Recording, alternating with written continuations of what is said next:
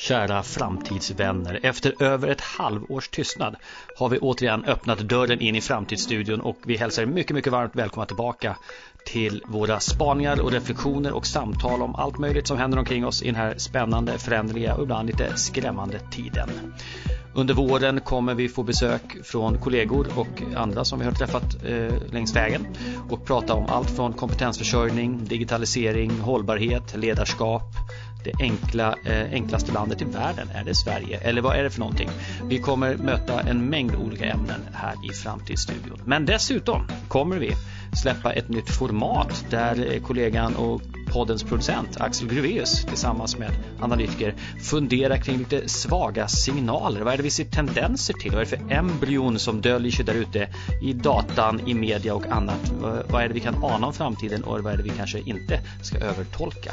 Det kommer ni få höra mer om i vårt nya format Signalspaningen. Men nu dags för årets första poddavsnitt på ett mycket, mycket hett tema och med en mycket kompetent gäst. Än en gång mycket, mycket varmt välkomna till Framtidsstudion tillsammans med mig, Fredrik Thorberger. –470 000 nya medarbetare säger Sveriges kommuner och regioner att de behöver fram till 2029 en nästan halv miljon människor som ska ersätta pensionsavgångar och ta hand om det ökade vård och omsorgsbehovet.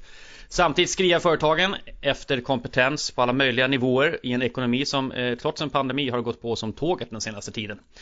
Kompetensförsörjningsfrågan är på allas läppar och naturligtvis måste vi titta på den även här i Framtidsstudion. Så varmt välkomna hit och idag har jag med mig min kollega Karin Andersson. Hej Karin! Hej Fredrik! Du, eh, kompetensförsörjning, eh, vad, vad tänker du på när jag säger det ordet? Eh, jag tänker att det är ju den, precis som du säger, den stora, stora frågan, den stora utmaningen. Och den har två delar, både att säkra upp kompetens i våra verksamheter, organisationer, företag, men också att vi behöver att dra nytta av alla de människor som finns hos oss, som idag inte är rustade för att eh, vara en del av det, det kunskapssamhälle som, som är under utveckling i raketfart. Mm. Många jobb idag är ju faktiskt, eh, kräver, kräver hög kompetens. Mm. Gymnasiet och över. Och vi, så vi, det är en, säga, vi har kompetensknutar eh, ifrån två perspektiv. Just det. Berätta lite för lyssnarna också. Var möter du kompetensförsörjningsfrågan? Berätta lite vad du gör Karin. Vilka, vilka jobbar du med? Vad jag gör? Ja, jag jobbar ju med Sveriges eh, kommuner och regioner och deras framtider. Eh, jag jobbar också i näringslivet eh, och eh, kompetens är överallt. Och inte minst i offentlig sektor där många yrken är bristyrken idag. Verkligen. Precis, jag hörde just en fågel kvittra häromdagen om, om bristen på röntgensköterskor i en av våra regioner och det var ju så att man var beredd att nästan lägga ner verksamheter i, i de lite mer, alltså i de mellanstora städerna där man hade vård, vårdenheter. Otroligt svårt att attrahera folk. Så att den här frågan är överallt. Och vi ställde också frågan till vårt nätverk av Kairos Future Friends. Kairos Future Friends är ju eh, alla ni som har eh, sagt ja till att vara med som friend och därmed få del av våra nyhetsbrev och kunna ladda ner rapporter från oss. Och eh, ni får ju också möjligheten att svara på våran framtidsbarometer då och då som kommer dyka upp här i Framtidsstudion under kommande månader. Och när vi frågade vilka stora utmaningar man brottas med här i höstas, då är det tre stora ord som dyker upp och det är digitalisering, det är hållbarhet och det är kompetensförsörjning. Eh, men eh, vi ska inte bara sitta och bubbla lite allmänt om det här utan vi har också tagit med oss en expert på det här området. En eh, person som du Karin har träffat i ett sammanhang och jag säger varmt, varmt välkommen till Louise Albansson. Tack så mycket. Eh, expert är ju naturligtvis en skrämmande rubrik att få så här i en podd men vi vet ju att du har jobbat eh, framgångsrikt med de här frågorna. Framgångsrikt i betydelsen också eh, för att kunna lösa en sån här komplex fråga behöver man också jobba i ett väldigt komplext system av många aktörer. Och det tänkte jag att du mm. skulle få berätta lite mer om. Men först Louise, berätta lite. Vad jobbar du med och hos vem jobbar du? Var jobbar du? Ja, jag jobbar på Skaraborgs kommunalförbund som projektledare eh, och framförallt eh, när det gäller kompetensförsörjningsfrågan men även företagsklimatfrågan. Eh, Skaraborgs kommunalförbund stöttar ju Skaraborgs 15 kommuner med olika typer av utvecklingsfrågor och där kompetensförsörjning är en av dem och där i det gebitet befinner jag mig. Mm. Nu är det ju så att eh, vi har ju så eh, förhoppningsvis så många unga lyssnare att vi kan inte garantera att alla vet vad Skaraborg omfattar för någonting. Jag vet ju det, mina barn råkar vara födda där. Jag vet ju vilken fin trakt det är. Men ge oss några kommuner som ingår i Skaraborgs eh, kommunalförbund. Var är vi någonstans? Ja, Ja men precis, vi har ju Skövde som den största kommunen. Eh, Skara som eh, är den kommunen jag är uppväxt i känner ju många till. Bert Karlsson och Sommarland och sådana grejer. Eh, sen så har vi ju Lidköping som ligger vid Vänern, vackert. Eh, Kinnekulle är ett besöksmål för många som ligger i Götene kommun. Eh, och vi har Vara kommun till exempel, så det är några mm. av de kommunerna som finns här. Just det. Mellan sjöarna kan man säga, brukar jag snabbt ja, ringa in det. Precis. Sjöarna, södra sjöarna. Precis. Mm. Ja. Mm. Um, är det något speciellt i Skaraborg när det gäller liksom utgångspunkten för premisserna för kompetensförsörjning? Är det något speciellt som, mm. som du kan säga om profilen på Skaraborg eh, som område? Ja, men alltså Skaraborg skulle jag säga erbjuder ju en eh, mycket pang för pengarna skulle jag säga. Att leva och verka i Skaraborg, eh, man har verkligen stora möjligheter att kunna leva både nära staden eh, och kopplat till landsbygden.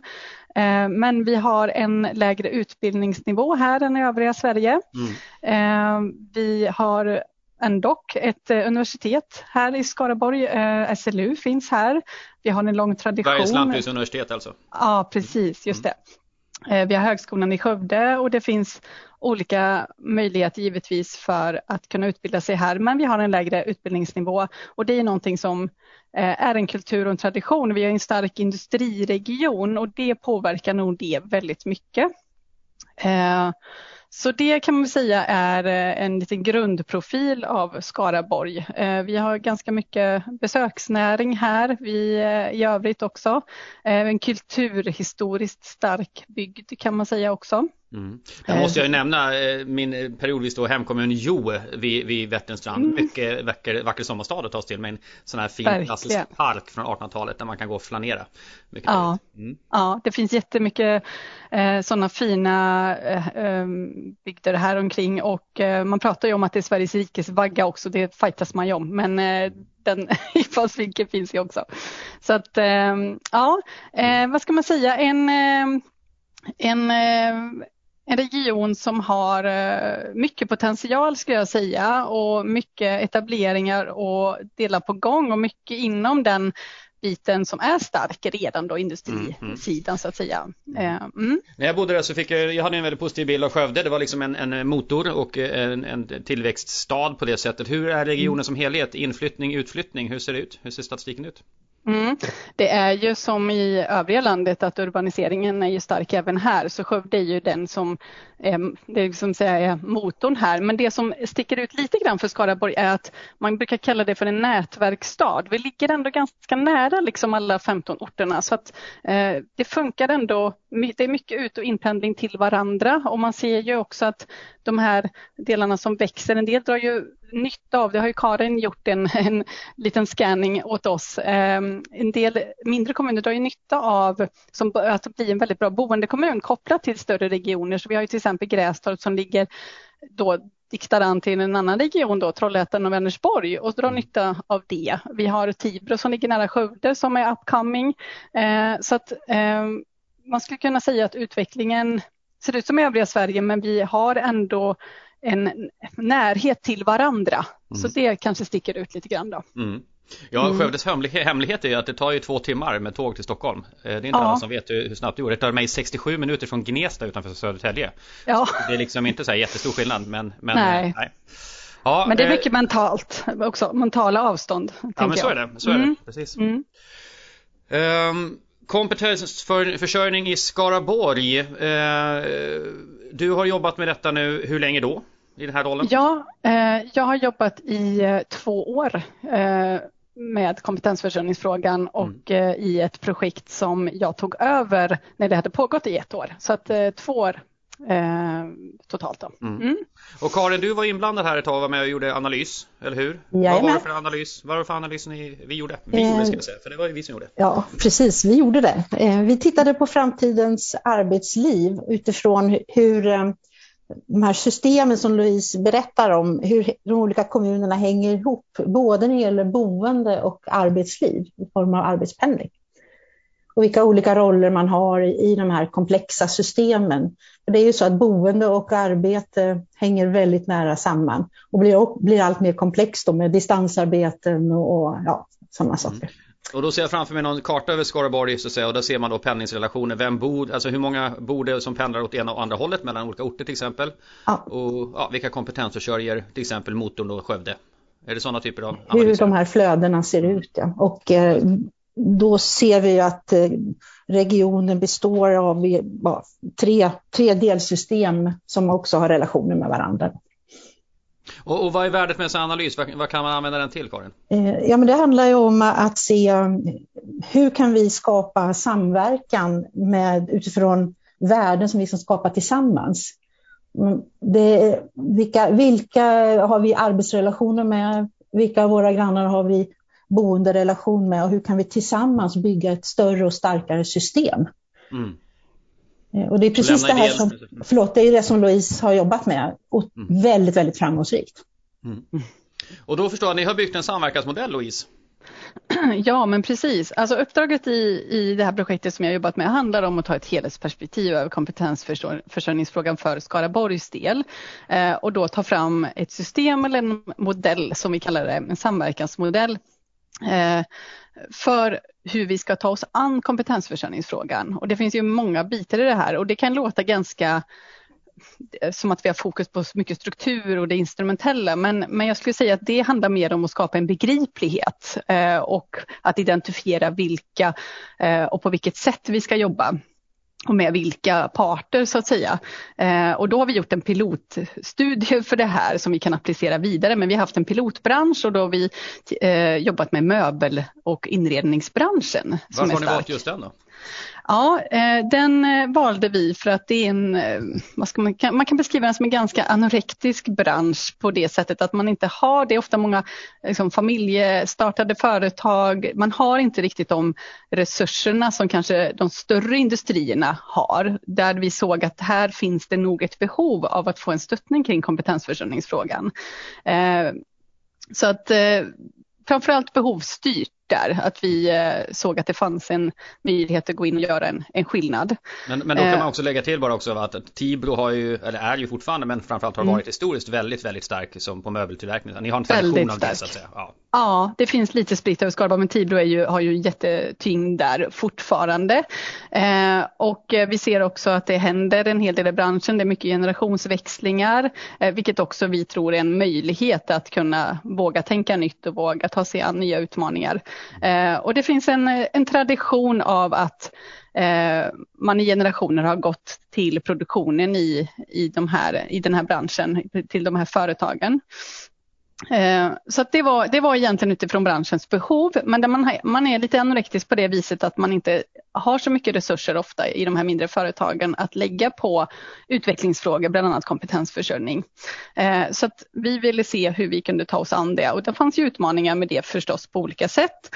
Eh, men utifrån deras behov så byggde vi en samverkansmodell eh, där det finns olika aktörer, både på strategisk nivå, eh, där man behöver se på helhetsperspektivet i Skaraborg, men också de här operativa aktörerna, Arbetsförmedlingen, utbildningsaktörer, hur liksom gynnar vi hela systemet för kompetensförsörjning för den här branschen? Mm. Och tanken är att vi ska lyfta vidare det här till fler branscher nu. Vi håller även på att riggar på kommunalförbundet för eh, en kompetensplattform kallar vi det, med fler resurser för att kunna sjösätta ett eh, gediget kompetensförsörjningsarbete. För frågan är ju superaktuell som du nämnde i början Fredrik. Mm.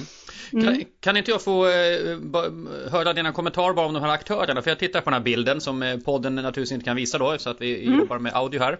Men mm. den, en av dem som sa Arbetsförmedlingen som ligger under rubriken matchning. Har ni jobbat på något annat sätt med Arbetsförmedling än vad som är vanligt? Har ni hittat någon ny, någon ny form av samverkan eller, eller är de bara en aktör som ni har en dialog med? Hur, hur ser det ut? Hur ser deras mm. roll ut i det här? Ja, deras roll har ju varit otroligt svajig eftersom det har funnits och det är ju också en utmaning i vilka aktörer man plockar med för att eh, som jag ser det har ju Arbetsförmedlingen blivit och det har vi pratat väldigt mycket Eh, med Arbetsförmedlingen om att det har blivit en eh, ska man säga, väldigt politiskt styrd organisation eh, där politikens vad ska man säga, nuvarande eh, tyngdpunkter råder över Arbetsförmedlingen och det kan svaja ganska mycket och man gjorde en jättestor omorganisation.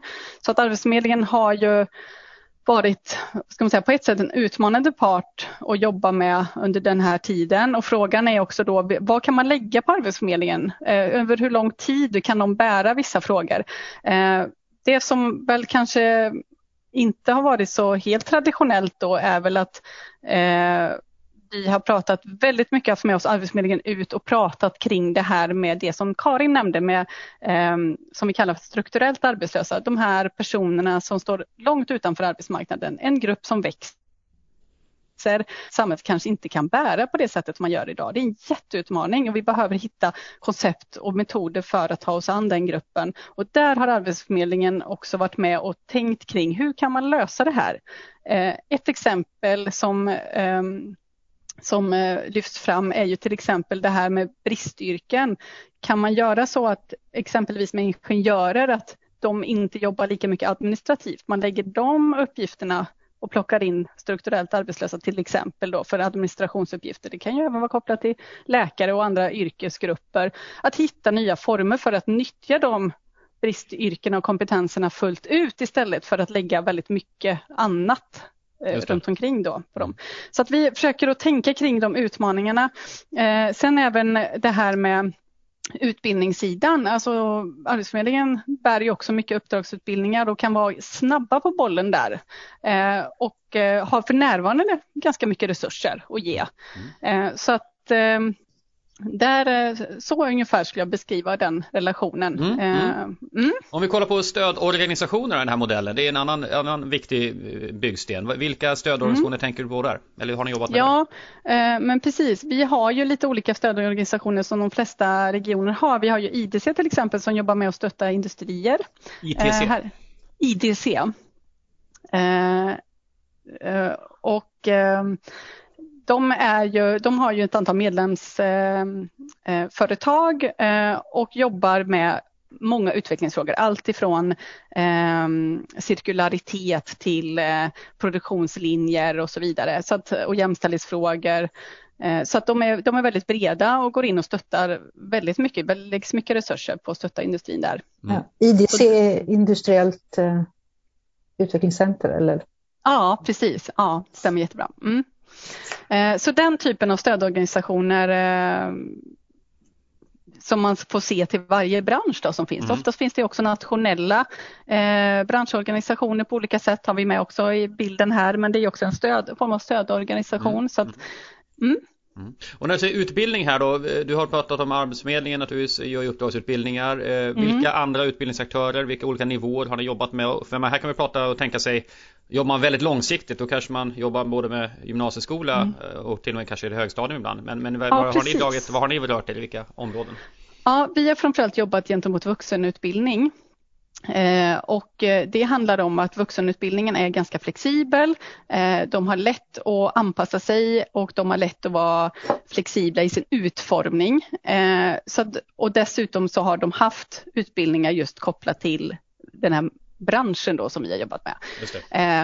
Men, för där har ju utbildningssektorerna, om man säger så, gymnasie, vuxenutbildning, yrkeshögskoleutbildning, högskola och så vidare, olika ledtider, hur man kan snabbt man kan vara, eh, förflytta sig eller förändra eh, sitt utbud och så vidare. Så att, eh, det ser väldigt olika ut och jag tänker att i det långa perspektivet så, så ska man titta på de här gymnasieskolan och så, hur man, hur man matchar.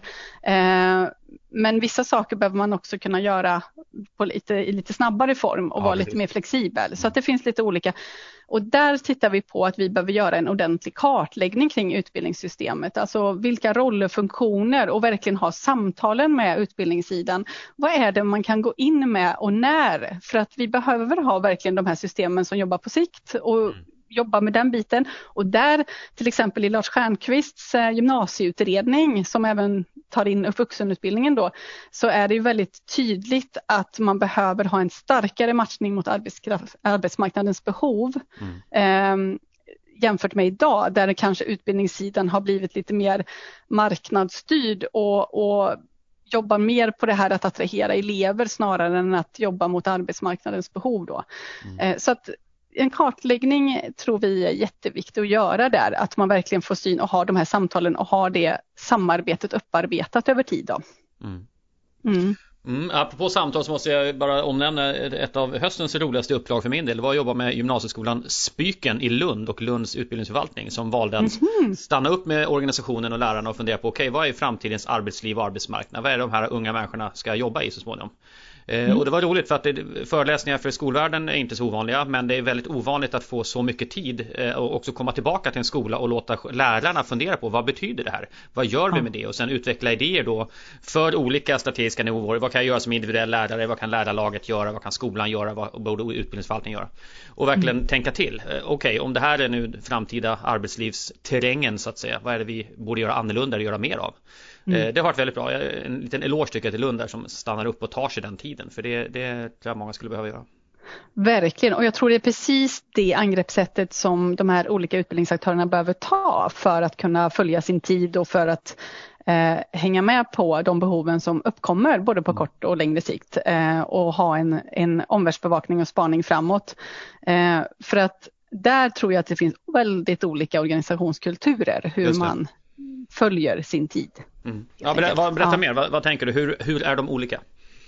Ja, de, jag tror de är olika på det sättet att eh, man har olika trygghet också. Man, eh, man eh, är beroende av olika finansieringar också. Eh, om man säger som gymnasieskolan har en traditionellt ganska fast ett ganska fast utbud på ett sätt där man gjort saker och ganska, alltså lite mer trögrörliga eh, gentemot eh, vuxenutbildning eh, och yrkeshögskoleutbildning som yrkeshögskoleutbildningen behöver ju söka sin finansiering vartannat år. De behöver uppdatera sig konstant eh, på vad som är behov och eh, efterfråga. Så det, det, det, är en väldig skillnad. Jag tror det är mycket det här med resurserna. Alltså var får man sina resurser ifrån? De kommunala skolorna är ju kommunalt finansierade. Det finns en annan liksom stadigvarighet i det mm. jämfört med då, eh, vissa andra delar. Sen är det olika uppdrag också. Mm. Ja, ja, och sen ska man nog inte, om man tittar tillbaks 20 eh, år, en 20-årig period så kan man nog inte säga att skolan inte har fått se förändring, alltså diskussion om nya läroplaner. Okay. alltså, mm. Lärarvärlden kan mycket väl uppleva att det har ställts nya krav och nya idéer om hur det ska gå till. Men jag, okay. är inne på ditt spår där att man kanske stannar upp på ett annat sätt, ja, som du säger, med en annan tidsperspektiv och funderar. Ja. Och det där är ju en balansgång också för det, och det är det här som är så spännande just utbildningsmässigt. Så här, vad, vad, är de, vad ska jag säga, vad är de långsiktiga eh, eh, kompetensbehoven? De som gör att man inte behöver förändras hela tiden men som, som kommer vara nyttiga. Mm. Alltså det det man brottas med och identifiera delvis. Eh, ja. Att vi inte ens vet vad folk kommer jobba med om, om 20 år. Och uppdraget också, alltså högskolan till exempel i Skövde som vi gör här har ett nationellt uppdrag. Men vi då som sitter med en lägre utbildningsnivå på högre utbildningar eh, som vill ha fler utbildade eh, anpassar sig kanske inte då till det regionala behovet. Nej, eh, så där har man ju också en utmaning och en fråga att jobba med. Mm. Mm. Mm. Men där blir lite nyfiken för att eh, vad, vad, vad, får du för bild från näringslivet när det gäller de som faktiskt har gått högre utbildning? Alltså en sak att de går rätt utbildning, alltså de har valt mm. en inriktning. Det andra är så att säga hur, hur uppfattar näringslivet kvaliteten på de som är utbildade? Förstår du vad jag menar? För ibland diskuteras mm. det liksom vad högskolan, vad, vad är det man kommer ut med, vad är produkten? Har du någon mm. uppfattning mm. om det? Uh jag kan inte säga att jag har någon superövergripande bild av det, eh, kvaliteten, hur, hur vår högskola levererar och så vidare. Men det jag kan säga är att man är ganska skoningslös där. Man vill ha de kompetenserna som man har behov av och får man inte dem här i regionen, vi har till exempel en ökad inpendling från Göteborg. Man plockar kompetenser där de finns. Och, en timme bort man, kan man säga då? Ja, ja, man löser ut det och man plockar in på konsultbasis snarare när man behöver spetskompetenser och kanske ännu mer avancerade eh, kompetensnivåer då. Eh, då ser man till att lösa ut det och finns inte det här så, så tar man det någon annanstans ifrån. Mm. Mm. Låt oss komma tillbaka till framtiden för kompetensförsörjningen eh, i slutet här. Men innan dess tänkte jag vi ska, om man nu, nu har vi fått höra lite grann om era modell, eh, inte i superdetalj men ändå en överblicksbild. Det är ett antal aktörer som ni har jobbat med och involverat i den här processen eh, för att, för att stötta och matcha och utbilda i rätt riktning. Men om ja. man nu backar bak lite grann och tänker sig, okej okay, det här låter intressant. Louise och Skaraborgs kommunalförbund verkar göra ett bra jobb. Vi behöver också jobba med kompetensförsörjning. Vart ska man börja? Mm. Eh, det var precis liksom den frågan vi ställde oss när vi startade, eller när jag kom in i det här arbetet.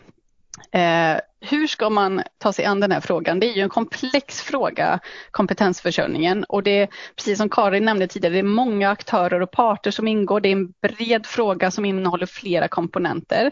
Eh, det som eh, vi på något sätt började i handlade om att liksom identifiera de avgörande frågorna och på något sätt ta fram vår berättelse och bild av kompetensförsörjningsfrågan här för oss i vårt sammanhang. Eh, och då handlar det om allt ifrån geografi, eh, vilken kultur vi har här i Skaraborg eh, och eh, omvärldsfaktorer, vad påverkar kompetensförsörjning som är av vikt idag? Eh, vilka funktioner och vilka parter behöver vi eh, se att det här angår och behöver plocka in i det här systemet som vi ska jobba med eller när man ska ta sig an den här frågan. Eh, och det kan ju vara olika beroende på vilket sammanhang man befinner sig i. Men jag tror också det är viktigt att när man skapar sig den här bilden att kunna också förmedla den, alltså en viss förenkling eller skapa begriplighet kring frågan för att den är komplex. Mm. Det tror jag är viktigt att tänka på. Vi har ju definierat kompetensförsörjningen utifrån tre delar. Eh, arbetsgivarkompetens, där det handlar om eh, arbetsgivares förmåga eh, att ta tillvara och attrahera arbetskraft. Eh, det handlar mycket om organisationskultur men det handlar också om attraktionskraft för organisationen eller företaget eller branschen i sig. Väldigt avgörande frågor. Matchningen är den andra delen, yeah. jätteviktig och det har vi ju varit inne på. Men kan du, konkretisera, kan du konkretisera lite när du säger matchningen, förstå vad, vad är mm. det? Ja. Det handlar ju om att hitta rätt kompetens eh, till rätt organisation eller arbetsplats. Eh, men människor är ju människor. Det handlar ju inte bara om att vi kan plocka tre huvuden därifrån och plocka in där. Det handlar ju också om hur ser organisationskulturen ut? Vad är det för människor som attraheras till en arbetsplats? Hur kan man matcha på olika sätt? I en kanske rent mansdominerad bransch kanske jättesvårt att ha en breddad rekrytering. Man kanske måste börja där. Matchningen är ju en ganska komplex fråga även om den liksom ytligt sett ser ganska enkel ut. Ja, men har vi så här många utbildade då får vi in dem. Eh, nej, så ser det inte riktigt ut för det gäller att människor också vill leva och bo här, att man attraheras av eh, arbetsplatskulturen, att branschen i sig attraherar. Eh, men matchningen handlar ju om att synka utbud och efterfrågan mm. eh, på arbetsmarknaden mm. i. Ja, precis, alltså arbetsgivarkompetensen var en sak och så hade matchningen, det var nummer två mm. här. Mm. mm. Och alla delar hänger ju ihop såklart. Och så utbildning som tredje benet. Eh, och det har ju varit inne på en del. Det handlar ju om att kunna eh, leverera man pratar ju om det här mycket idag, livslånga lärandet. Vi tror väl kanske att i framtiden kommer man inte kanske jobba inom en sektor hela sitt yrkesliv och det gör man kanske inte riktigt idag heller. Man behöver ha möjlighet att ställa om och man behöver ha eh, en utbildningssektor som erbjuder de möjligheterna. Mm. Eh, och även validering ligger ju i det också då. Vad har man för tidigare erfarenheter som man kan validera upp när man ska gå vidare till en annan, ett annat yrke? Ja, det där tycker jag är eh. spännande. Valideringsfrågan är jätteintressant med tanke på att man idag kan lära sig saker på så otroligt många olika ställen. Mm. Så att säga. Har, ni, har ni utvecklat någon ny form av validering eller vart står ni där? För... Ja, det är, det är en fråga som man har jobbat med en hel del här och man har haft ett väldigt bra koncept för men som av olika anledningar har legat lite på is och man kommit igång med nu igen. Och det handlar ju om allt från att validera våra nya nysvenskar, eh, deras kompetenser till eh, personer med, med mer erfarenhetsbaserad kompetens kopplat till ett yrke. För att i och med att vi idag har, vad man kallar det vi har ju många bristyrken idag som vi har pratat om. Och det, där pratar man ju ofta om den här konjunkturarbetslösheten, inte de här strukturellt arbetslösa som är långt ifrån utan de här som lätt kan komma in på ett jobb. Och, och det är inte några större problem med att plocka in till olika branscher. Eh, den gruppen är ganska liten idag. Och då behöver man eh, titta på hur löser man ut sådana bitar och hur kan man eh, jobba med utbildningssidan på det sättet. Då. Och, och då blir jag nyfiken, eh, för som sagt det finns många olika sätt att lära sig saker idag. Inte, inte alla typer av jobb, men många typer av jobb kan man lära sig på, alltså många typer av utbildningar kan man få på digitala plattformar eh, mm. hos universitet eller priva, privata aktörer och så vidare. Eh, mm. Vad är din bild av, av företagens liksom, tillvaratagande av detta? Har man kunskap om det? Eh, jobbar man strategiskt liksom, och medvetet med de här resurserna? Eller, eller står man lite med sig själv och så lite Arbetsförmedlingen och högskolan? Eller mm. har, man, har man ett bredare perspektiv? Vart är ja, jag, tror, jag tror man ofta vill lösa det utifrån ett eget perspektiv. Jag tror att eh, man har, eh, många organisationer har nog inte bilden av vad det är som erbjuds och hur man kan docka an och jobba. Jag tror att man behöver ha ett ökat samarbete mellan organisationer och företag kopplat direkt till de utbildningar som angår men även kan skapa och bilda utbildningar tillsammans. Eh, Arbetsförmedlingen är på det ibland. Till exempel hade vi här ett jättestarkt behov av taxichaufförer och då satte man ihop det snabbt. Arbetsförmedlingen plockade fram eh, relevanta människor som var inskrivna på Arbetsförmedlingen. Man skapade en utbildning, man gjorde det tjoff, tjoff, tjoff. Mm. Ofta är det ju så företagen vill jobba, de vill jobba snabbt men vi behöver också anpassa systemen till den flexibiliteten men vi behöver också kanske berätta och visa bilden av vad det är som finns att erbjuda för det finns ju väldigt, väldigt mycket idag. Ja, för det är det jag tänker, det exemplet då med mm. Arbetsförmedlingen som tjoffar till en utbildning. Det, då är vi mm. tillbaks i det, tillbaks, det är inget negativt i det, det är kanonbra att man gör det. Men det finns ju också som sagt det här utbudet som inte bryr sig om Skaraborg mm. utan det ligger på Udacitys stora utbildningsplattform i Kaliforniens server eller var det är mm. någonstans. Mm. Eh, och, och, där det finns en massa kurser och program. Eh, kan man mm. tänka sig att eh, större företag kanske skulle behöva resurser i form av någon slags studierektor så att säga som vet vad som finns där ute som mm. kan guida och säga men vi har de här utbildningarna. Det här mm. är bra grejer, det här funkar för oss. Läs mm. den här, den där, den där. Så har man liksom eh, kommit en, en bit på resan. Tror att vi är vi på väg åt det hållet eller vad tänker du? Jag vet inte om vi är på väg åt det hållet, eh, men däremot så, så om man tittar på, vi kan ju ta ett exempel som Volvo här som har mm. skapat sin egen gymnasieutbildning. Man vill gärna ha det nära sig, att man har kontroll över vad det är. Jag tror att det finns en liten skepsis mot utbildningssystemet, att det inte riktigt kanske matchar eller att det, det inte blir exakt det man vill ha. Det är där det här, jag tror att man snarare går åt det hållet att att eh, man behöver upparbeta ett samarbete eh, kopplat till utbildningsaktörer men att man är delaktig. Eh, vi kommer säkert in på det lite mer sen, men jobba på ett mer agilt sätt. Alltså en känsla av att man är delaktig och bär frågan gemensamt. Jag tror det där liksom men då pratar vi ändå om, vad är det, Sveriges största enskilda arbetsgivare nästan, ja, alltså privata. Ja. Ja, så att, eh, en ursäkt, apologize för, till alla andra mindre aktörer som behöver hitta andra sätt så att säga. Men det är därför jag tycker det är intressant med mellanstora storleken att det ändå finns, jag, jag, min fantasi är att det finns en mm. väldigt stor blind fläck kring vilka resurser som egentligen finns tillgängliga och att man inte har någon, man har det ingen överblick.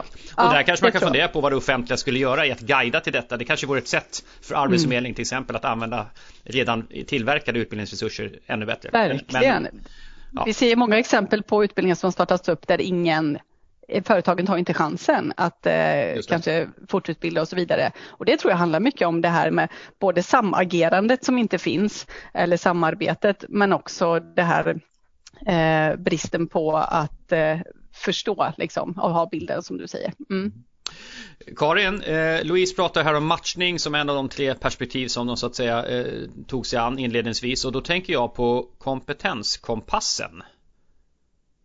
Mm. Det är ju ett verktyg som vi utvecklar. Kan inte du berätta lite mer vad vi har för data egentligen om, om människor apropå matchning? För Louise var också inne på matchningen eh, till plats och, och, och andra aspekter. Ja. Berätta lite, vad, vad, vad, kan, vad kan man göra där? Ja, jag vill bara, jag måste bara kommentera Louise. Det är ju fantastiskt härligt att få höra, höra hur du berättar om, om hur ni jobbar och också det här behovet av att, som jag ser som en stor utmaning, det är att tänka både långt och kort i de här systemen. Mm. Eh, och att eh, för att kunna tänka långt så behöver man ha en gemensam startpunkt. Man behöver ha en gemensam bild av vart man ska. Och sen behöver man kunna arbeta agilt och snabbt i att forma vägen dit och vägarna dit. Och det, eh, det, är ju en utmaning i sig, men så viktigt. Och det kräver ju liksom att vi resurssätter de här systemen. Man behöver ha organisering, ledarskap, strukturer, kulturer som ni jobbar med och inte minst kommunikation, att göra dem synliga, för de är i väldigt hög grad blinda för sig själva. Mm. Eh, så det var bara en reflektion kring det. Jag tycker att det är så väldigt härligt att få ha med dig för att jag vet att ni jobbar så bra med de här svåra frågorna. Eh, kompetenskompassen. Mm. Ja, den, eh, den är ju ett verktyg som vi har tagit fram då för att kunna matcha eh, företags och verksamheters behov av, av kompetens eh, kopplat till vad den, de olika yrkesgrupperna eller den yrkesgruppen man söker har för preferenser, både när det gäller synen på arbete, och vad som är viktigt i jobbet för att man ska trivas och lyckas och vilja vara på en arbetsplats. Likväl... Och där är vi inne då lite grann på arbetsgivarkompetens kan ja, man säga, att ja. vara en kompetent arbetsgivare. Mm. Mm. Bra, och också då eh, olika yrkesgruppers syn på plats. Vad har man för platsvärderingar? Vad är det man uppskattar i en plats? Allt ifrån att eh, några vill leva och verka mer urbant och andra mer lantligt och ja, eh, sådana saker. Och då, in, då kan man se hur kan vi matcha det eh, med, den, med de, den plats som vi befinner oss på. Och det kan också vara så att nej, men vi, vi, vi ser att den här kompetensen kommer vi att behöva arbeta med genom pendling. För den platsen där vi befinner oss som verksamhet kommer sannolikt inte att matcha de behoven som ja, finns. Ja, för det vi kan se bland annat de där platspreferenserna det är ju till exempel som du sa då lantligt urbant men det är också så här är det funktionalitet alltså mer bostadsrätts hyresrättshållet eller är det villa och gräsmatta hållet man söker sig till? Är det familjeliv eller är det eh, mer då en, eh, ja, ett liv där man kanske vill ha tillgång till service och kultur på ett annat sätt än vad barnfamiljer oftast ja. behöver och kan? Och det är kopplat både till yrke då eh, men också den stora, stora kopplingen är mot livsfas och livsstil. Just det. Eh, så att, eh, men det kan vi hjälpa till med, att eh, jacka in det här och se vad är det då vi ska vad är det vi ska berätta om och vad är det, var ska vi söka? Vi kan också titta på, på vad finns de här människorna, vad finns den här kompetensen idag? Just det. Och hur kan vi fånga, fånga upp den och kanske börja samarbeta med tidigt med koppling till utbildningssystem och så vidare i de, på de platserna. Till exempel tekniker är en sån sak. Då jobba med exjobb och sådana här grejer. Mm. Ehm, så att, eh, vi har, har mycket data som vi kan bidra med. Ja precis, det är så mycket data som att när vi började så var det 10 000 svenskar som jobbade och studerade som fick en mängd frågor om arbetsmiljö och arbetsförväntningar på arbetsgivare, plats och så vidare. Och ehm, eh, det som förvånar mig, för det, det, var inte självklart för mig, det var att det ändå är i, i, vissa yrkesgrupper är så distinkta skillnader vad man söker för platspreferenser, alltså hur man vill bo. Jag, jag trodde inte att det skulle, jag tänkte mig att sådana där typer av frågor har väl inte så jättestark koppling kanske till vad man jobbar med, men vissa frågor är faktiskt slår ganska tydligt, medan andra är så här, ja, det är inte lika självklart, man kan inte se, stor, se, se så stora skillnader mellan, mellan olika yrkesgrupper på det området, medan andra som sagt är mer tydliga. Ja, och eh, ålder spelar, om du jämför till exempel yngre sjuksköterskor med äldre sjuksköterskor och synen på, på, på vad som är viktigt i jobbet så skiljer det sig mycket. Just det. Mm. Så sånt här är bra att ha koll på som arbetsgivare. Mm. Och det har du jobbat med och eh, också med platsbundna företag. Absolut. Just det här, vi kan inte flytta vårt pappersbruk härifrån, det är liksom ingen idé. Ja. Utan vi, vi, ligger där vi ligger. Eh, och då och verkligen fundera på. Ja, och då jobbade vi tillsammans med de platser som de fanns på också. Tillsammans mm. med kommunerna. För det är som jag sa tidigare att plats och boplats och arbets, hänger ihop. Väldigt mycket. Mm. Arbetsplats och boplats hänger ihop. Mm. Just det. Ja, spännande. Det var eh, lite grann om kompetenskompassen som är ett verktyg som ligger dikt an kan man säga mot det som du berättade om Louise tycker jag. Mm. Ehm, men frågan som jag ställde tidigare till var så var ska man börja? Nu börjar med de här tre perspektiven som ni eh, tog er an så att säga och, och, och mm. fördjupade er kunskap om. Är det någonting mer du tänker ligger i startfasen? ja, men jag, jag, tror också att man behöver, alltså det behöver finnas eh, Eh, som, lite som vi har tagit fram vårt system, även om det är ett mindre system man ska jobba i så behöver någon ta lead. Eh, och Karin var inne på det också, någon behöver axla ledartröjan i Eh, när man har liksom en bild av hur ser läget ut för oss eh, och förstår den bilden, då tror jag det handlar mycket om det här med både rollfördelning, vem gör vad i det här systemet. Eh, det handlar om att någon eh, håller samman systemet men också bygger det här förtroendekapitalet, ser till att samverkan fungerar med aktörerna. Det är en helt avgörande bild. Vi har ju sett att finns inte viljan och drivkraften att gå in och jobba med den här frågan tillsammans, då får man släppa den aktören. För det funkar inte att ha med någon som bromsar eller vägrar att leverera in. Då måste man hitta en annan väg för det. Eh, så det är jätteviktigt. Men även också att prioritera, för det här är en så stor fråga. Man måste välja eh, liksom en strategi för vad är det som är viktigast att ta oss an först. För annars så kan man, tror jag att resursfördelningen liksom blir för spretig. Man, man, man duttar bara lite. Om man ska göra en genuin skillnad så behöver man kunna lägga mycket resurser och då måste man välja våga välja i det. Mm. Mm. Ja, och där vill jag bara understryka det du säger det här att, att, eh, bra samarbeten är samarbeten där att du, när folk är engagerade men det betyder också att man vänder mm. på dem. Om en aktör inte förstår nyttan med någonting eh, då är det bättre att den inte är med så att säga. Verkligen. Och det, där, och det kan man tycka låter självklart men när man är i en samarbetsdiskussion ibland så det här med mm. samarbete får man inte tacka nej till och alla ska ju få vara med om de vill och så vidare. Ja, mm. kanske, men kanske inte. För att eh, trots att ska jag påstå att ett bra samarbete drivs ju i en, en aspekt av egoism. Så att säga. Jag vill vara med ja. här för vår skull. Och finns mm. det ingenting för vår skull här då kommer inte jag vara någon bra aktör heller. Jag kommer vara lite ljummen och mellanmjölk över det här. Och så blir inte jag någon, någon bidragande kraft. Så att det gäller att ställa sig frågan så här, okej okay, vilka behov har vi? Vad kan vi vinna på det här? Ja men då vill vi också vara med i samarbetet. Annars kanske det är bättre att göra någonting annat. Verkligen, det har vi ju sett supertydligt i vårt arbete att det här är win-win. Man måste känna, känna liksom what's in it for me. Det måste finnas en drivkraft i att vilja vara med, att se nyttan och värdet med det. Annars så, så är det bättre att någon annan tar den platsen. Mm. För det kommer, inte bli, det kommer inte landa bra för då kommer man inte ge in av sig själv. Eh, och det, handla, det är väldigt viktigt i det här, ett sånt eh, agilt arbetssätt som vi tror på här, eh, att eh, samverka och det handlar ju om att bära frågan tillsammans och skapa en positiv kultur där det händer saker, annars får man inget resultat. Då kommer Nej. man inte vidare. Nej. Mm. Men då måste jag fråga en sak för vi har gjort ett, ett, arbete med liknande liksom, riktning i en annan del av Sverige och där bestämde man sig för att man på grund av geografin och hur de administrativa gränserna ser ut, alltså hur, hur regionerna såg ut rent fysiskt, mm. Så valde ju de här orterna att gå på din, sin analys då. Eh, återigen samma analys som Karin pratade om tidigare, vilka pendlar till vem och vem är, försörjer vem med kompetens och boende och så vidare. Mm. Och så eh, blev ju samarbete på kors och tvärs av regionsgränser. Alltså mer funktionalitet egentligen än administrativa mm. gränser. Har den frågan varit uppe hos er? Eh, jag, jag, min bild av Skaraborg är att man har en stark tradition av att vara Skaraborg. Så att säga. Mm. Och Skaraborg uppgick ju i Västra Götaland-regionen så att på det sättet finns det kvar någon slags identitet i det här gänget. Men, men har frågan ändå dykt upp så här i ytterkanterna så här, ah, vi skulle vilja ha med de här också, grannen som ligger egentligen norr om oss eller söder om oss och så vidare. Eller har, ni, mm. har det inte varit uppe?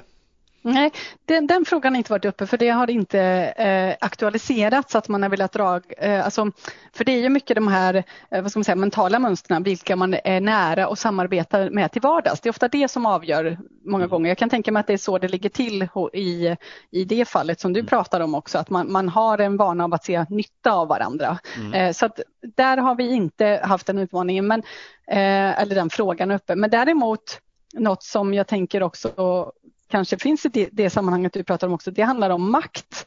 Alltså man har också olika maktförhållanden till varandra. Eh, vem är storebror här och vem, vem är van att kunna styra och bestämma lite mer? Eh, det är en fråga som påverkar väldigt mycket så det har vi haft med hela vägen kan jag säga i det här arbetet. Det. Och det är alltid från olika organisationer till geografi så att säga, orter. Ja. För ni har ju haft en eh, så att säga, regionshuvudstad som inte är motor längre, eller hur? Mm. Ja. Precis. Ja. Vi nämner inga namn här så konflikten inte blir där precis. Men vi som känner terrängen vet ju. Ja, ja exakt ja. så. Mm. Ja men sen också tänker jag att det är en skillnad. Ni var ju etablerat som kommunalförbund innan ni drog igång dem. Det var ju inte den här konstellationen vi pratade om. Det fanns ju ingen, Nej. det fanns ju relationer men ingen formaliserad vad jag vet. Så att, mm. Ja. Mm. Men du, eh, vilka trender och förändringar skulle du säga att man behöver ta hänsyn till då utöver den specifika organisationen? Eller de här branschens förutsättningar? Vilka andra trender och förändringar ska man? Ja, alltså det, det, är ju en, eh, en snabb föränderlig värld. Och en eh, sån del som vi ser väldigt tydligt trend, det handlar ju om Ehm, att funktioner eller personal byts ut ganska löpande. Man behöver hela tiden göra om arbetet eller bygga det på nytt för att en konstellation av människor ehm, är just, eh, har sin särprägel med de människorna som befinner sig i den. Ehm, byter man ut några så kan det ändras balansen ganska snabbt. Så där ja. behöver man ha ett system och ett koncept för att jobba upp det här förtroendeskapande arbetet hela tiden och kunna hitta den här goda samverkan trots att människor byts ut. Eh, och vi har ju haft en följeforskare med i vårt projekt där har vi bollat mycket och stött och blött med det här och han har gjort en scanning över det här forskningsfältet kring eh, organisationsförändringar på det sättet med mycket utbyte av människor i systemen. Eh, och det som han kan se som den tydliga nyckelfaktorn i det här som vi har tagit till oss. Det handlar om att bygga, hänga upp det här förtroendekapitalet också på en ledningsnivå eh, så att man har den här förankringen och mandatet för att jobba med frågan. Eh, då har man också lättare att bära saker över tid. Eh, men det handlar också om det här just rena människoutbytet kan man säga, att mm. bygga det här förtroendeskapande också hela tiden. Men att hitta ett system för att ha någonting som blir bärkraftigt över tid fast människor byts ut konstant. Jättetydligt tydlig trend. Men, när du säger den här förankringen på chefsnivå, men även chefer roterar ju då och då. Mm. Även på, inte minst politiska förtroendevalda som kan vara inblandade. Eh, mm. Är det mer en formaliserad, så det här är ett uppdrag från kommunalförbundets styrelse eller vad ni nu har för organisation? Ja precis, det, ja. precis. Vi, vi hittar de sammanhangen, kommunchefsgruppen, eh, våran, direktionen som det kallas då för oss, den, det politiska sammanhanget, att, att förankra det väl där, på de, i de två sammanhangen, både på tjänstepersonnivå och politisk nivå. Eh, och att hela tiden även där då uppdatera frågan, att hela tiden ge information och, och kunna ha en delaktighet från de här eh, forumen, för där byts ju som du säger också människor ut. Så att, eh, men, men förankringen på ledningsnivå, men även också det här fotarbetet med människorna i konstellationen, att den också hela tiden måste jobbas med. Det får man inte ja, Hur gör man det då? Du som är processledare och uppenbarligen gör det här fotarbetet. Ja, eh, ja eh, jag tror ju på att eh, att jobba med eh, en jobba in en positiv kultur genom att bygga förtroendekapital. Att det till exempel då det man, det man bestämmer också blir utfört, att man bygger en eh, tillsammans också skapar den här win-win känslan av att eh, man får någonting ut av det. Men en annan del som jag tycker i alla projekt egentligen jag jobbat med, det handlar om att också andra utifrån ser det som någonting framgångsrikt det man gör, att man bygger en stolthet för det arbetet man gör, att eh, man vill bära den här ambassadörsrocken för det här arbetet, att det är någonting som känns, eh, eh, känns väldigt positivt att liksom göra, att det för med sig goda värden. Mm. Eh, så tror jag. Och genuinitet. Jag tror på det. Att eh, man verkligen genuint vill göra en skillnad och åstadkomma någonting. Man behöver ju ha det, det verkliga resultatet också. Jätteviktigt. Mm. Ja. Mm. Eh, men nu flög in en fråga här som jag inte hade tänkt på tidigare men som jag tycker låter superintressant. Karin kan få kanske först reflektera över det. Du pratar om det här med rotationen av folk Louise i de här komplexa samarbetena som ofta är väldigt långsiktiga. Mm. Eh, och vi pratar om den här tiden av snabb förändring som vi alla har ältat om så länge men som är så uppenbart omkring oss så att säga. Mm. Um, har det blivit viktigare med eh, att ha kvar, alltså har det blivit viktigare att folk stannar längre på poster än tidigare på uppdrag? Har det, har det ökat, har, är värdet av lång, långvarigt liksom närvaro och delaktighet, har det ökat det på grund av den här eh, föränderligheten omkring oss? Vad säger Karin? Vad, vad, tror du? Skulle, skulle, skulle organisationen vinna på en, en, en liten, längre, liksom, eh, mindre hoppande i en sån här tid? Eller spelar det ingen roll egentligen? Jag tror att eh, det viktiga är det som Louise tog upp eh, för en liten stund sedan här med systemstyrka. Att man gör organisationer och system mindre personberoende faktiskt. Eh, och det är ju ett stort arbete i sig. Eh, så att eh, jag, jag, tror att det, sen är det klart att det är, eh, det, det, det, det är fördelar att både människor finns kvar och att människor lämnar för kompetens behöver flöda.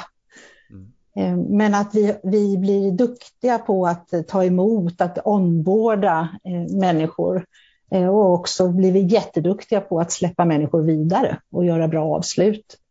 Eh, och sen kan man komma tillbaka och så vidare. Så att bygga den här systemstyrkan som gör att man blir oberoende. Att att det, och det, där behöver vi ju verkligen resurssätta den, den frågan. Mm. Alltså lägga resurserna på att bygga att de här systemen står sig oavsett individerna? Egentligen. Ja, mm. i högre grad. Mm. Alltså Louise, spelar det, spelar det ingen roll om folk springer ut och in eh, högfrekvent eller hade varit bättre om folk stannar längre i en tid av snabb förändring? Ja, alltså jag tror ju ändå att det spelar roll och det spelar framförallt roll också vilka människor man har med i ett sammanhang. Eh, otroligt viktigt. Eh, en, man, en person kan göra väldigt stor skillnad. Men sen som Karin säger, det behöver ju också hängas upp på delar som inte blir personberoende. Men sen är ju människorna i sig otroligt viktiga för att åstadkomma någonting tillsammans. Eh, man kan göra helt fantastiska saker med rätt inställning och rätt personer på plats.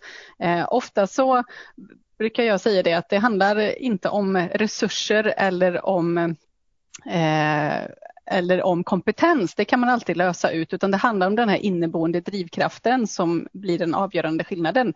Och den är väldigt viktig och har man inte med den så, så tappar man hela flödet, tror jag. Eh, och där, eh, det handlar ju om att bygga den här, tror jag, mycket positiva kulturen tillsammans. Att få med människor i det, den här inneboende viljan. Nu blev det ju jättejobbigt att vara ansvarig för kompetensförsörjning. Nu ska man dessutom hitta folk med det här fantastiska drivet där inne. Det kommer bli ännu hårdare konkurrens. Ja. Tack för det Louise och med det slutar vi kvällen, dagens avsnitt. Nej, skämt åsido. Vi rullar på här. Är det fler trender och förändringar som du skulle säga att man behöver ta hänsyn till eh, när man gör det här typen av arbete? Ja, men det är som jag nämnde lite tidigare, Arbetsförmedlingens roll. De här, de här eh, ska man säga, aktörerna som har en tyngd i systemet, som utför saker som ingen annan gör. Den föränderligheten som sker i, i den organisationen till exempel behöver man ju förhålla sig till och också tänka kring hur bygger man ett förtroendeskapande arbete kring det gentemot olika branscher och organisationer mm. eh, när det är en föränderlig värld även där. Men sen är det ju även det här med omvärlden, alltså vi har ju allt ifrån covid till eh, liksom krassa verkligheter för våra företag som handlar om allt ifrån råvaruproduktioner, eh, många sådana utmaningar som som snabbt kan ändras över en natt och det behöver man också ha en beredskap för och en kunskap kring. Och analysen kring kompetensförsörjningen och de här förändringarna som sker tror jag är superviktig. Vi behöver en ordentlig arbetsmarknadsanalys för den regionen man är till för eller det sammanhanget man är för. Eh, man behöver också ha koll på liksom det här med utbildningsinstitutionerna, eh, men man behöver också ha den här omvärlds och trendspaningen. De delarna tror jag är superviktiga att ha koll på och ha check på och det behöver man också kompetenser för att kunna göra för det, det, den här arbetsmarknadsanalysen det är ingen lätt del. Alltså företagen vet inte alls själva ens vilka behov de har om Nej. två år. Liksom. Så att, det är en tuff utmaning men man behöver jobba med den. Mm. Helt övertygad om det. Mm. mm. Ja, superspännande. Ja, eh, omvärldsanalys, ni hörde kära lyssnare, det är mycket, mycket, mycket viktigt. Det kan inte nog understrykas här på Framtidsstudion. Men du, eh, ska vi zooma ut lite Louise? Ska vi prata lite generellt där? Så, eh, du har gjort en massa lärdomar tänker jag om att jobba med komplexa system och komplexa utmaningar eh, med ja, nästan ostyrbara system, i alla fall väldigt decentraliserade system. Vad är det för utmaningar man behöver hantera när man tar sig an den här typen av, av uppgifter? Det kan vara kompetensförsörjning, men det finns naturligtvis andra frågor, hållbarhetsomställningar och digitaliseringar är också en typ av extremt komplex komplex. Vad har du gjort för lärdomar? Vad, vad kan man tänka på? Ja, men alltså eh, dels så handlar det om att, som jag varit inne på tidigare, alltså identifiera de här avgörande frågorna eh, och skapa mandatet som vi har varit inne på. Eh, och det handlar också om att skapa ett handlingsutrymme eh, där. Att bygga ett förtroende för det man jobbar för för att kunna våga testa och utmana och utveckla frågan hela tiden och arbetet man gör. Eh, ledarskapet otroligt viktigt, eh, återigen. Eh, och eh, att kunna skapa den här begripligheten för frågan när man pratar kring frågan och med andra. Mm. Ehm, och eh, att vi behöver ha de här systemen för att jobba eh, kortsiktigt och på längre sikt så att man märker resultat och får och även de verkliga kortsiktiga behoven men också på längre sikt för att bygga ett genuint arbete för kompetensförsörjningen som fungerar. Mm. Och det här med att släppa parter då som inte vill eller kan, alltså inte jobba med konstgjord andning. Och där får man också passa sig lite som offentlig aktör. Det blir lätt att vi vill ta hand om allting eh, och bära och bära och bära.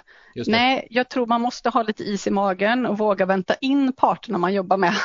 Eh, alla behöver ha sin process och sin resa och man är på olika nivåer. Så att jobba med människor och organisationer där de är och försöka utvecklas tillsammans och göra en resa tillsammans. Det tror jag är jätte, jätteviktigt.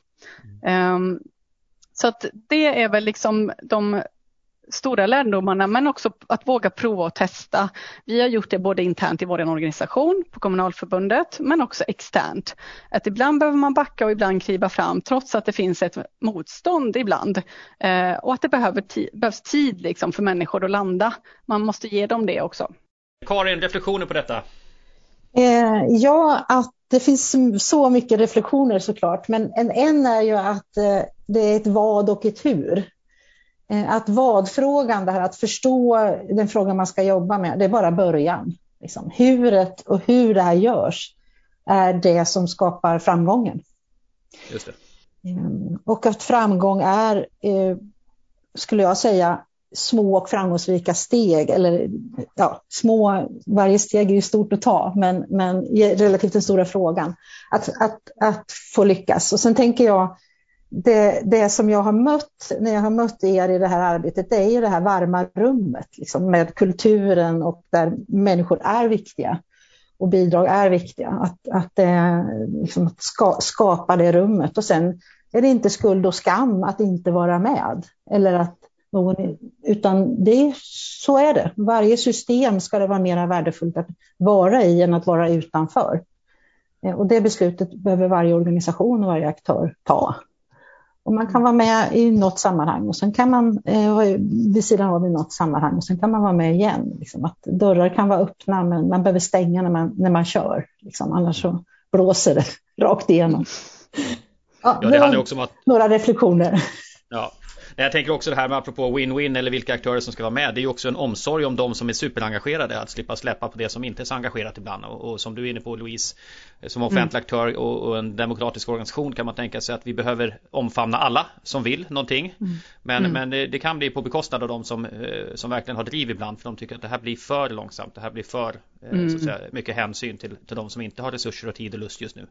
Eh, mm. Och det är en balansgång som, som är viktig apropå att skapa förtroende. Att vi att våga prioritera ibland också. Ja, om jag får lägga till en sak så tänker jag också att ni har skapat ett lärande under hela processen. Och att ni har haft era följ, ni följer forskare och så vidare. Att, att tänka det från början. Hur lär vi av det vi gör? Mm. Och, och också, också tänka, nu hade ni ett kommunalförbund som gjorde att det var lätt att veta vilket område ni skulle börja jobba i. Eh, men det är ju erfarenhet som jag och Karin har gjort och många med oss nu då att eh, Att inte tänka att man är sin egen sin egen aktör som kommun utan ni förstår det här sambandet att man är, man är del av en, en administration, administrativ så säga, eh, region eh, men man är också del av en arbetsmarknadsregion, en ekonomisk samspel så att säga, och kompetensmässigt samspel och att det är det som blir det, det viktiga, människornas fysiska värld, de som bor där och, och färdas och rör sig och jobbar och eh, handlar och allt vad de gör, att, att ha den ut, utgångspunkten så att man inte gör avgränsa för nära sig själv bara för att det finns gamla administrativa gränser. Det tror jag är en viktig grej att ta med sig också. Verkligen. Nu tycker jag det är dags att eh, inför landningen av detta lilla avsnitt eh, titta framåt. Eh, framtiden för kompetensförsörjning. Eh, siffrorna på kompetensbrist de är entydiga och eh, min egen upplevelse, eh, jag vet inte om den, om den är korrekt eller inte, men, men min upplevelse är att det blir mer och mer tydligt den här kompetensbristen som har pratats om. Det blir, det blir en faktisk fråga apropå det jag nämnde tidigare om röntgensköterskor som saknas som gör att man kan faktiskt inte leverera vård för det är ingen där. Eh, och jag tror att vi kommer se ännu mer av det eh, närmsta tiden. Eh, och det här är ju, är ju en jätteutmaning som också pushar på för digitalisering vilket vi kommer naturligtvis återkomma till i kommande avsnitt här på, på Framtidsstudion.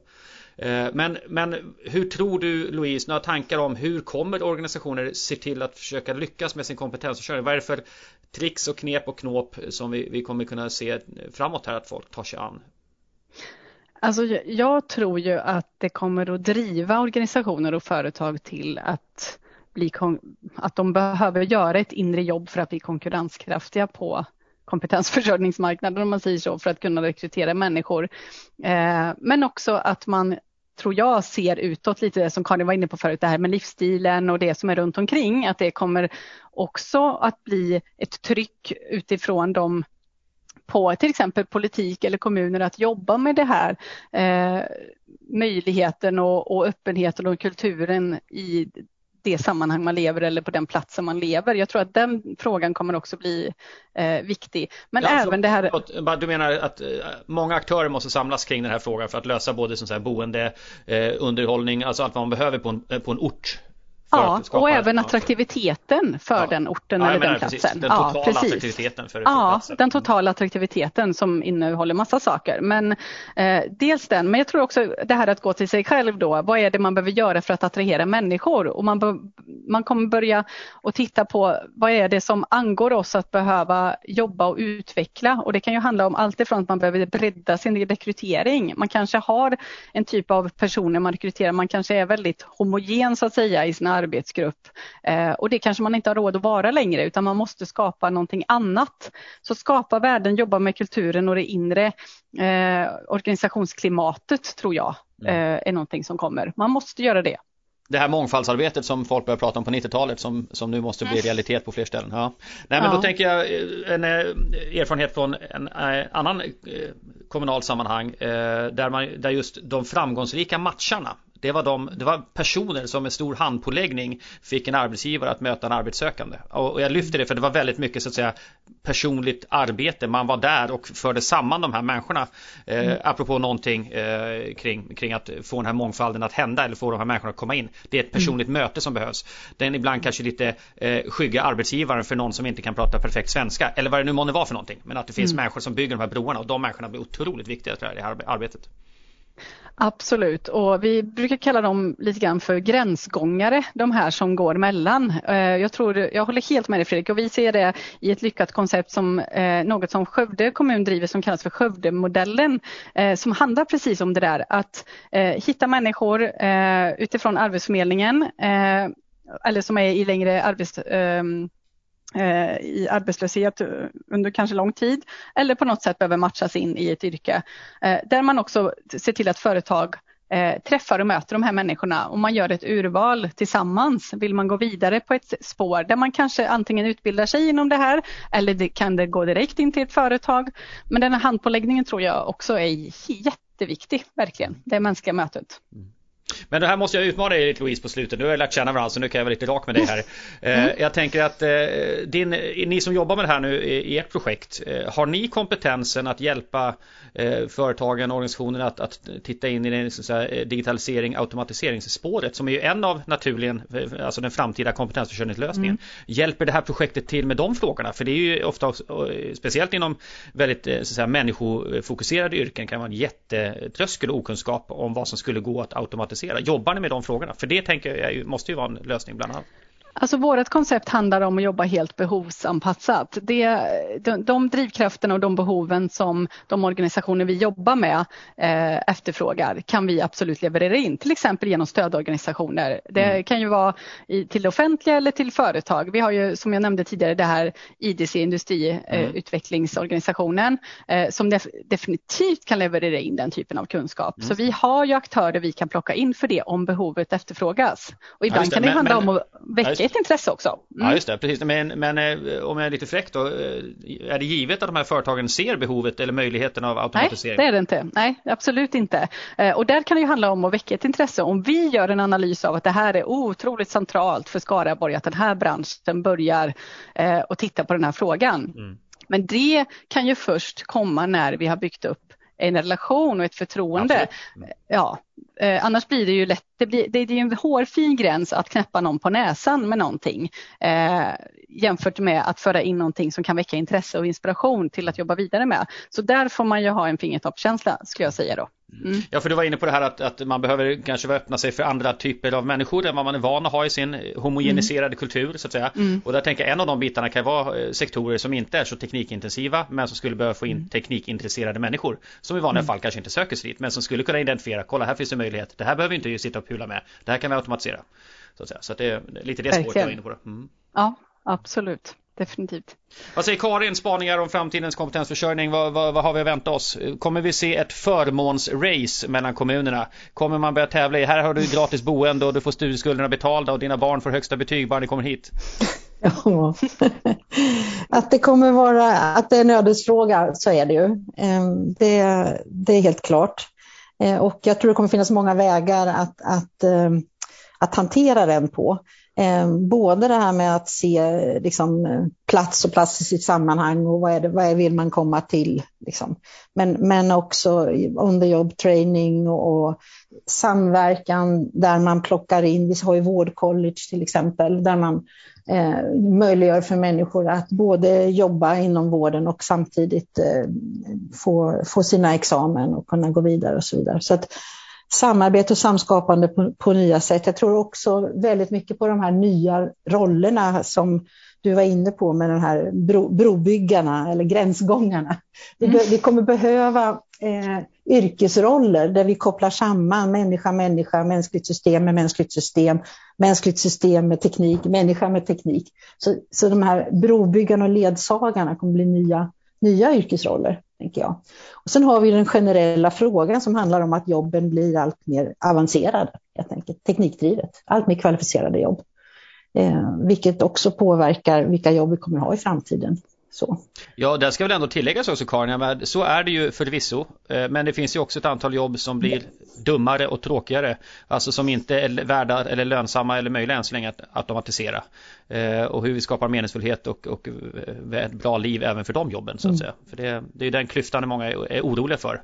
Även om inte människor automatiseras bort i, i stora skador så kommer det finnas en, en, en, ganska brett spektrum mellan riktigt kanske då monotona eller eh, mer under, äh, lågstatusjobb om man ska vara krass och sen då allt upp mot extrem expertis. Ja, vi ser, ja men titta, det är ett exempel på den här ökade klyftor, polariseringen.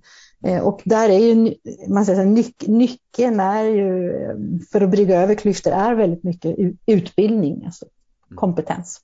Mm. Så att det är en väldigt, väldigt viktig fråga för oss i framtiden, också för hela samhället och samhällsbygget. Att, att vi, vi, är med, vi, är, vi är på banan, så stor del av oss som möjligt.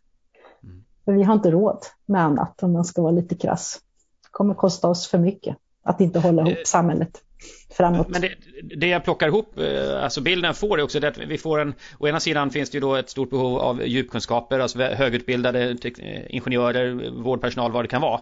Så att säga. Men sen har vi också de här mer generella och nästan lite mer karaktärsbaserade kompetenserna, eh, gen, gränsgångarna, inte gengångarna, gränsgångarna och, och, andra som bygger relationer, som är pedagoger, som, som får människor att förstå och, och kunna kliva in och bli utbildade och så vidare. Um, kommer vi hitta andra sätt att identifiera, kommer vi jobba mer med att identifiera de egenskaperna eh, än vad vi gör idag. Alltså apropå vad du sa Louise, kunskap kan man ju skaffa sig men, men inre driv eller relationsbyggarförmåga den är svårare ibland att utveckla utan det tycks vara mer eh, genetiskt drivet eller uppväxt och format och sådär. Kommer vi, kommer vi eh, börja värdera och validera människor på andra sätt med mer psykometri och andra vad det kan heta när man mäter eh, egenskaper? Vad tror ni? Vad tror Louise? Ja, det är möjligt, men jag tror också att man kommer, vi kan se exempel på det här, där man jobbar med att skapa, att se värdet av att ha olika människor med i ett sammanhang, att det också skapar värde. Eh, vi har ett exempel här på gjuteriet på Volvo där man har jobbat med breddad rekrytering och har haft ett ett jämställdhetsarbete väldigt tydligt från att vara ett väldigt mansdominerat och där man har inte bara ökat resultatet rent ekonomiskt, för det är där liksom drivkraften finns för dem, att man ser värdet med det. Det är inte för att vara schysst eller snäll eller någonting annat, utan det är för att, att skapa ekonomiskt värde. Men där man också ser att man skapar en, en annan kultur, en kulturförändring eh, som går emot att man ser värdet av att man är olika. Så att just att, att, att jobba med att det kan bli en form av exkludering tror jag inte är vägen framåt. Jag tror inte det man ser heller framåt utan snarare öppna upp för att olikheterna bidrar in, tror jag. Okej, Karin, vad tänker du? Ja, men jag tänker också det, att, och det, det där är också ett tidsperspektiv, att, att i närtid så, så, så, vet du vilka bristyrkena är, det är inte svårt. Men eh, på, på mellanlång sikt, det har ju också våra studier visat, då handlar det i mycket högre grad om förmågor. Eh, som driv, förmåga att samarbeta, samskapa, nätverka och sådana saker. Kulturell musikalitet. Mm. Eh, och på ännu längre sikt då, så, så nya yrkesroller helt enkelt. Eh, så att, eh, och det är det vi jobbar med. Vi, hjälp, hjälper till att se vad är det vi kommer behöva imorgon. Utifrån det här perspektivet att, att eh, kunskap eh, eh, blir ju så snabbt idag eh, irrelevant. Alltså avskrivningstiden för en, en akademisk utbildning är, kan ju vara snabbare än en, en examen ibland. Liksom. Så, att, eh, så den här förmågan att kunna lära och lära nytt och ta till sig saker, den, den är viktig. Och då tänker jag så här, vad, vad, hur laddar vi våran, våran skola? Mm vad laddar vi våran, våra, våran skola, hela vår, vårt utvecklingssystem med i tidigt skede? Liksom. Vad är det vi mäter? Vad är det vi... Så, så att, ja. För det handlar egentligen om att stöd, stödja oss alla och inte minst våra barn i att få livs, livskapacitet, livsförmåga i en väldigt föränderlig värld. Eh, och det här har att göra med att världen förändras och kommer förändras snabbt och branscher förändras system förändras, samverkan förändras, värdekedjor förändras och i det här behöver vi som jobbar och finns i de här systemen snabbt kunna ställa om och ha de här förmågorna och eh, jobba med de här nya, nya rollerna som då också kommer växa fram. där eh, brobyggaren är ju en sån roll. Då. Det finns flera. Mm. Louise, eh, sista frågan. Är det någonting mm. som eh, du tycker att vi inte har fått sagt från dina erfarenheter och tankar om jobba med kompetensförsörjning? Eh, inte, inte i det stora hela. Jag skulle egentligen vilja bara kommentera det som Karin och, och, och du sa tidigare Fredrik där att jag tror att den här eh, de här som har den inneboende drivkraften, de vill alla ha. Eh, alla företag, de är enkla att sätta in, de anpassar sig.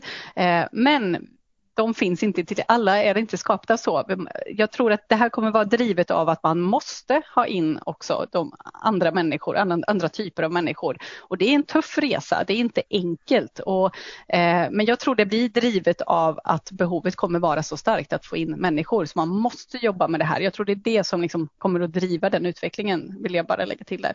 Eh, nej men sammantaget så skulle jag säga att eh, jag tror på det här med att eh, jobba med eh, eh, att kunna förmedla sig begripligt och förenklat eh, kring den här frågan. Att kunna sätta samman komplexiteten till en output som blir begriplig för annars kan man inte ta sig an den här frågan. Så att börja gräva där man står och börja ta sig an frågan eh, och bena i vad, vad, betyder den här frågan för oss och vad är det viktigaste för oss att jobba med. Så skulle jag vilja liksom, sammanfatta det. Mm. Tack så jättemycket Louise. Eh, tack Karin. Och jag tar mig nu friheten här som, som eh, poddhost att, att eh, avslutande reflektion apropå det du säger med människors olika förutsättningar att ha det här drivet. Eh, jag har ju själv pluggat på högskolan i, i Skövde.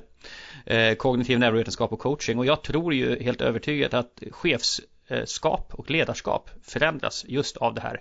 För det är som du är inne på Louise, vi har olika mycket driv i oss men det är inte helt fixt hur mycket driv vi kan hitta och att ha en ledarskap som ser människor och som förstår människor och kan se vad det är som triggar och vad som håller tillbaka en individ är också helt kritiskt då i att få tillgång till de här fantastiska resurserna som vi alla bär på i olika mix.